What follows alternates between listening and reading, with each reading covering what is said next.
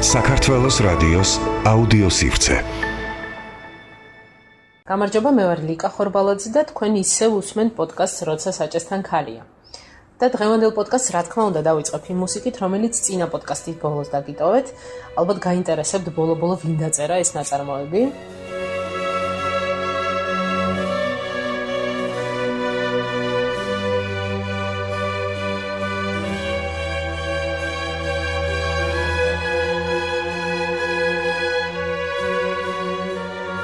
სხვა შორის მეც მაინტერესებს ძალიან, რამდენი თქვენგანი მიხვდა რომ ეს არის კაცის დაწერილი მუსიკა. ამ შემთხვევაში ტომაზო ალბინონის და უფრო მეტად მაინტერესებს ის, რამდენს შეგეპარათ ეჭვი თქვენი პასუხის ისტორიაში. იმიტომ რომ ამ მაგალითით იმის ჩვენება მინდოდა, რომ გენდერი არ ჩანს მუსიკაში, ყოველ შემთხვევაში კომპოზიციაში ნამდვილად. ეს არის უბრალოდ სტერეოტიპი. და თუ გონიათ რომ არის ერთადერთი სტერეოტიპი, ძალიან ცდებით. მაგალითად ცოტა ხნის წინ ერთ ჩემ ნაცნობ პიანის ვკითხე, რამდენად ცუდი არის, როდესაც მამაკაცე იტყვიან, რომ ქალივით უკრავსო და პასუხად მივიღე, რომ მარტო დაკვრაში კი არ არის ძალიან ცუდი. ზოგადად ცუდია. იმიტომ რომ კაცები ყველაფერს ბევრად უკეთესად აკეთებენ ვიდრე ქალები და ბოლოს საერთოდ იმის მტკიცებას შეუდგა, რომ მამაკაცი როგორც ინდივიდი არის ბევრად უფრო ლამაზი ვიდრე ქალი. აპრიორი. ხოლოდ იმიტომ რომ მამაკაცია. და არგუმენტად მოყავდა სხვა სახეობის მამრი წარმომადგენლები, ბევრი მათვალიერებინა ლომების, ირმების, ხოხბების, ფარშევანგების და გუპიების ფოტოები. მოკლედ ძალიან შორს რომ არ წავიდა, გამოდის რომ ქალები ბევრად უარესად უკრავთ, სხვა შემთხვევაში შეურაცხყოფელი არ იქნებოდა კაცისთვის იმის თქვა, რომ აი ქალივით უკრავდა. ქალების შემთხვევაში პირიქით არის. ერთ-ერთი ყველაზე სასურველი ქათინაური არის თუ შენზე თქვეს, რომ აი მამაკაცური ენერგეტიკა გაქვს. მეც ვიყენებ ძალიან ხშირად ამ ტერმინს და მე ერთ მშვენიერ დღეს დავფიქრდი, საერთოდ რატომ ითხოვენ ქალებისგან კაცურ დაკვას. ალბათ იმიტომ, რომ ეს ტრადიცია ძალიან დიდი ხნის განმავლობაში არსებობდა. უბრალოდ ძალიან დიდი ხნის განმავლობაში ითვლებოდა, რომ ქალს არ უნდა დაეკრა საჯაროდ დიდ საკონცერტო სცენაზე. ეს რატომ მოხდა კიდე ცალკე სასაუბრო თემა არის, მაგრამ წარმოიდგინეთ, რომ ძალიან დიდი ხნის განმავლობაში ჩვენ ვხედავდით და ვუსმენდით მხოლოდ მამაკაცებს და ისინი მთლიანად ქმნიდნენ დაკვრის სტანდარტსაც, ქცევის წესებსაც და ასე შემდეგ და როდესაც ქალები საბოლოოდ მაინც გამოჩნდნენ ამ სარბიელზე, ბუნებრივია რომ მათგანაც იგივე მოვითხოვეთ, რასაც ისინი ვერ გააკეთებდნენ, იმიტომ რომ სხვანაირები არიან, სხვანაირად გრძნობენ და სხვანაირად გამოხატავენ საკუთარ თავს. ეს არ მოგვეწონა და შევქმნით стереოტიპი, რომ ეს თითქოს უარესია იმაზე, რაც იქამდე ქონდა. და ესეთი стереოტიპები კიდე აყალიბებს იმ მუდმივ კამათს, დაუსრულებელს, ქალები თუ მამაკაცები, რომელი არის უკეთესი და ასე შემდეგ. ისე რაღა დაგიმალოთ და ამ კამათში შესვლა ზოგჯერ ძალიან საინტერესოა ხოლმე.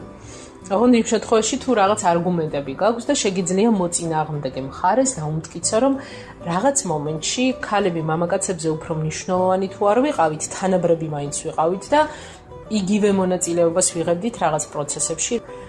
მუსიკაში თვითონ ძნელი არის ამ მაგალითის პოვნა, მაგრამ მაინც შეიძლება. არის ერთი ძალიან საინტერესო პიროვნება, რომელიც თავის დროზე ძალიან გავლენიანი მუსიკოსი იყო და იმ პერიოდში, როდესაც ქალებისგან ყველაზე ნაკლებად ელოდები ამას.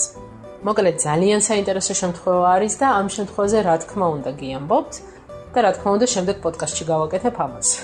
ეს პოდკასტი ახლა რაღაცნაირად უნდა დავამთავრო და ვინაიდან ბევრი ვილაპარაკე შემსრულებლებზე, ალბათ დაგიტოვებთ თანამედროვეობის ერთ-ერთ ყველაზე გამოჩენილ შემსრულებელს მარტა არგერიხს. რომელიც პირადად ჩემთვის იმიტომ არის ძალიან დიდი, რომ ამ გენდერული შეფასებების მიღმა არსებობს და რომელსაც თან ძალიან კარგად ვიცნობთ ქართველები, იმიტომ რომ ცოტა ხნის წინ საქართველოსში იყო ჩამოსული და მის კონცერტზე ვერ დასწრებას ლამის ნახევარი საქართველოს გლოვობდა. მოკლედ მარტას შესრულებას გიტოვებთ და ძალიან მალე შევხვდებით ერთმანეთს.